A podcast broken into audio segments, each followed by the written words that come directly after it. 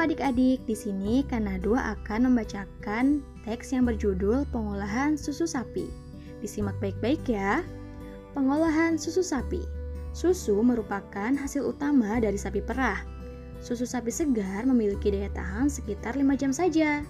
Susu perlu diolah dengan baik supaya gizi dalam susu dapat dinikmati kapan saja. Pengolahan susu dapat dilakukan dengan teknologi pangan.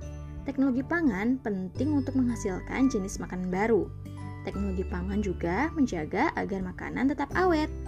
Susu sapi dapat diolah menjadi berbagai jenis makanan baru, Contohnya adalah yogurt, keju, permen, mentega, hingga es krim.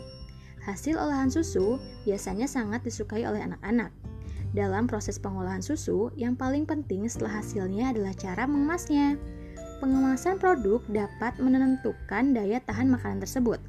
Daya tahan susu yang dikemas dengan plastik biasa akan berbeda dari susu yang dikemas dengan kardus kedap udara. Nah, adik-adik, itulah isi dari bacaan teks yang berjudul Pengolahan Susu Sapi. Terima kasih karena telah mendengarkan dengan baik.